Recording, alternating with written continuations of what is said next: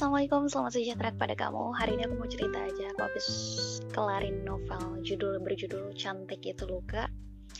Novel bestseller yang dapat penghargaan Prince Claus Award 2018 dari Eka Kurniawan. Terbitan pertama tahun berapa nih kita cek ya.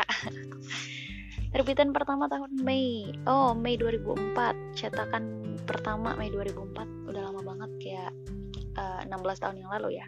Cetakan ke-18 ini yang aku punya Mei 2019 tahun lalu. Ini novel juga udah diterjemahkan ke lebih dari 30 bahasa dan pemenang World Readers Award 2016. Jadi aku kayak beli aja. Jadi suatu ketika aku kayak aku nggak punya buku bacaan lain buku aku yang lain udah habis dan aku pergi aja ke Gramet gitu. Aku bodo amat aku nggak tahu mau beli apa dan aku temu buku ini terus aku kayak terperangah gitu. What?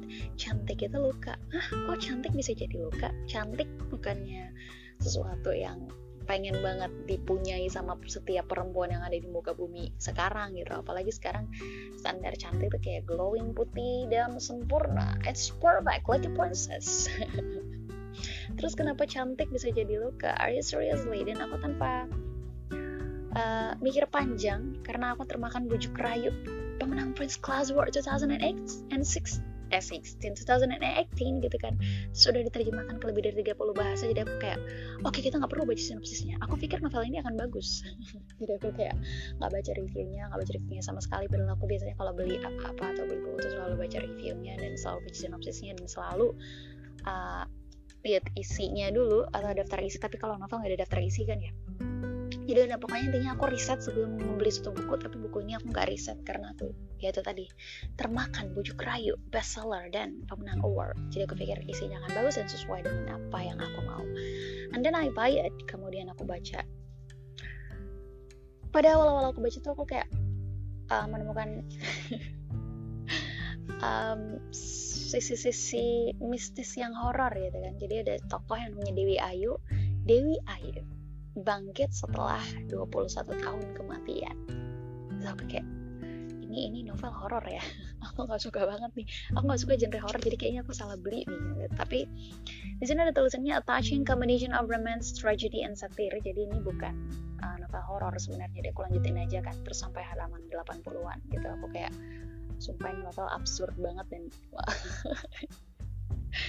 kayak ya cerita. Maksudnya kamu udah mati terus kamu bangkit 21 tahun kemudian kemudian kamu adalah gadis yang cantik terus kamu mengharapkan anak kamu terlahir uh, jelek si buruk rupa. Kamu punya tiga anak sebelumnya yang cantik-cantik semuanya sempurna. It's really excellent like a princess in the world. Kemudian kamu mau anak kamu yang keempat gitu terlahir buruk rupa. Kenapa gitu apa yang mendasari dia seperti ini? Jadi kan kayak penasaran. Jadi aku lanjutin aja. Walaupun pada babak awal itu terlalu banyak bertele-tele perkenalan dari tokoh sis si tokoh utama ini. Tokoh utamanya Dewi Ayu by the way. Uh, jadi di sini kayak Dewi Ayu itu perempuan itu tadi perempuan yang cantik. Tapi akhirnya dia hmm, jadi pelacur. Disebabkan karena keadaan kayaknya sih gitu. Tapi Dewi Ayu juga gak terlalu baik sih tokohnya di sini menurut aku. Uh, gitu sih. Ceritanya nggak mungkin aku ceritain karena kalau misalnya mau diceritain ke semuanya bisa sampai satu dua tiga empat lima enam jam. Nggak habis nih cerita novel ini. Uh, apa lagi ya? Novel ini aku suka uh, di luar dari apa? Aku suka latar waktunya latar waktu dan latar tempatnya. Latar tempatnya ini adalah tempat fiksi sebuah kota yang bernama Halimunda.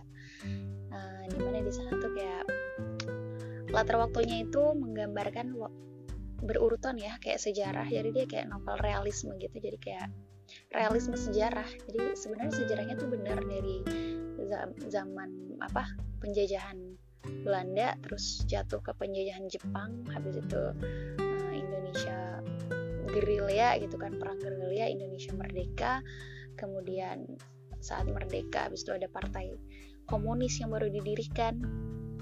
Terus gak lama dibantai gitu kan. Di sini juga diajarin kayak bukan diajarin maksudnya diceritain gimana dari sisi pandang komunis itu sendiri kayak oh ternyata tuh komunis tuh kayak gini loh ternyata komunis tuh menganut paham yang kayak sama rata sama rasa. Jadi kayak uh, apa pun yang dia lakukan kita tuh apa pun yang orang-orang di sana di sana lakukan kita harus punya hak yang sama kewajiban yang sama hak yang sama gitu. Jadi kita nggak boleh ada yang lebih tinggi antara satu sama yang lainnya itu yang diambil komunis digambarkan komunis di sini. Jadi kayak adil merata beda banget kan sama kayak kaum kapitalis yang kamu mau menang sendiri yang kaya makin kaya miskin makin miskin gitu kan. Kayak gitu. Tapi, tapi di sini nggak dijelasin ya kenapa komunis itu dilarang di luar dari pemerintahan yang lagi gunjang ganjing karena dijatuhkan atau di apa ditembakin jenderal-jenderalnya peristiwa lubang buaya kalau nggak salah ya. Tapi di sini nggak dijelasin kenapa? Kamu jadi dilarang. Ngomong apa sih? Cepet banget ya gue ngomong ya. Habis itu apa lagi ya? Uh, di luar dari latar tempat latar waktu yang aku suka kemudian ada beberapa hal-hal mistis yang absurd banget gila ya. Jadi kan kayak jadi ceritanya dulu itu di sawah ini cuman beberapa beberapa adegan yang gak terlalu penting sebenarnya masuk ke dalam sini. Cuman aku ingat aja karena jadi dulu tuh di sawah gitu ada banyak babi kan. Babi babi itu diburu sama manusia karena babi itu suka apa ngehancurin sawah-sawahnya manusia gitu. Terus ada anak kecil yang nembak babi terus tiba-tiba babinya waktu mati dia berubah jadi manusia. Kayak ada hal-hal mistis yang kayak itu kayak babi ngepet gak sih? Kayak kayak digambarkan banget gitu ya di sini. Terus kayak ada hantu yang berkeliaran di kota Halimunda waktu terjadi pembantaian komunis. Jadi aku membayangkan di dalam otakku tuh kayak oke okay, aku masuk ke dalam dunia Harry Potter aku masuk ke dalam Hogwarts di mana hantu-hantu bisa berkeliaran dan kita bisa lihat itu semua. Dan sini diceritakan bahwa hantu itu emang bisa dilihat sama manusia mana pun gitu. Kemudian ada juga yang kayak bayi bayi sudah dikandung 9 bulan terus tiba-tiba pas mau melahirkan dia hilang. Kayak kayak angin aja perutnya gitu. Terus kayak kayak jelang jelangkung bisa digunakan untuk manggil-manggil arwah kutukan-kutukan gila para leluhur atas dendamnya yang belum juga sirna. Pokoknya yang kayak hal-hal mistis gitu ini bagus makanya. Di luar dari jadi di luar dari faktor tem faktor latar tempat latar waktu dan kisah-kisah mistis atau realisme realisme yang ngomongnya yang kayak mendekati nyata tapi sebenarnya fiksi tapi mendekati nyata dan unsur-unsur sejarah di dalamnya. Ini novel bercerita tentang percintaan. Jadi sebenarnya uh, aspek yang lebih banyak dibahas di sini adalah percintaan dan aku menemukan bahwa ini sejauh ini cantik itu luka adalah novel terbiadab yang pernah aku baca seumur hidup. Itu kayak aku nggak pernah baca novel yang kayak gini aku merasa terkotori kayak oh my god apa ini jenis ini ini ini novel jenis apa yang mengotori pikiran aku? Gitu kayak terlalu banyak adegan dewasa dan aku baru sadar di dalam eh di balik uh, di paling belakang novelnya tuh ada kayak novel 20 plus. Untungnya aku udah 22 tahun jadi aku udah like baca novel ini. Dan untuk anak-anak di bawah 20 tahun tidak disarankan. Memang sangat-sangat amat tidak disarankan karena ini tuh I cannot explain it. Jadi kayak aku merasa sia-sia sebenarnya baca ini. Tapi ya itu tadi sih. Mungkin ya kalau dari segi manfaat ya sebenarnya aku bukan penggemar novel yang bergenre kayak gini cuman karena aku nggak punya bacaan aja dan aku pengen baca-baca yang santai ternyata aku salah pilih sepertinya. Uh, ini tuh kayak novel yang menggambarkan ya kolonialisme itu tadi di mana perempuan-perempuan di zaman itu tuh cuma sebagai pemuas hawa nafsunya laki-laki dan gak punya harap kehormatan dan harga diri gitu kasihan banget sih sebenarnya. Apalagi ya? Apalagi ya uh, apalagi ya?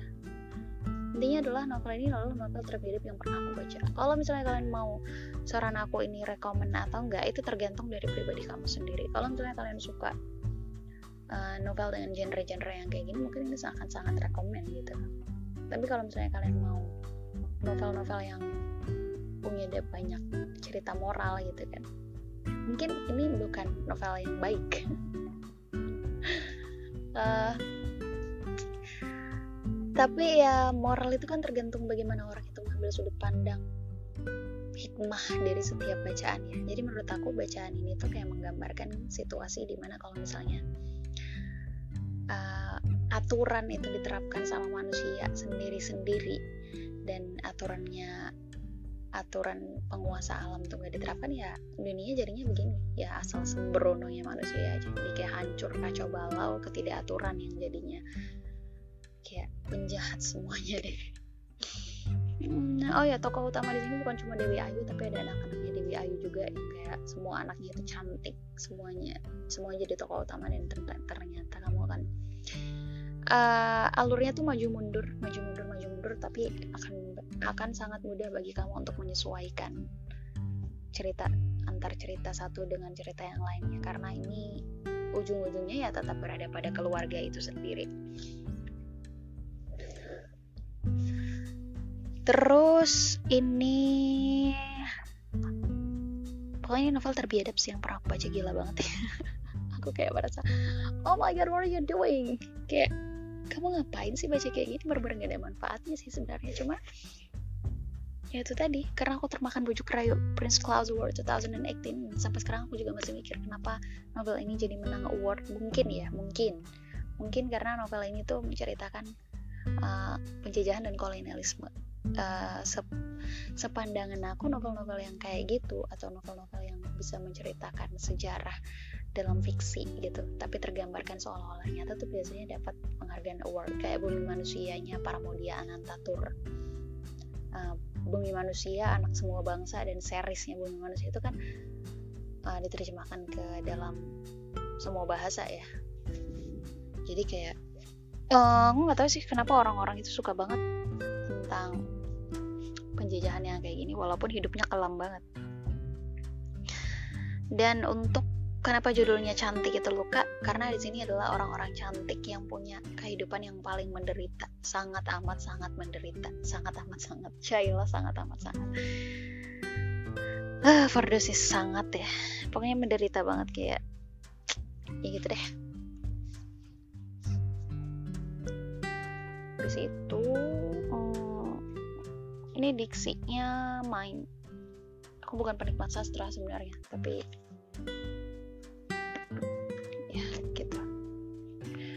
udah deh. Aku sudah capek ngomong. Assalamualaikum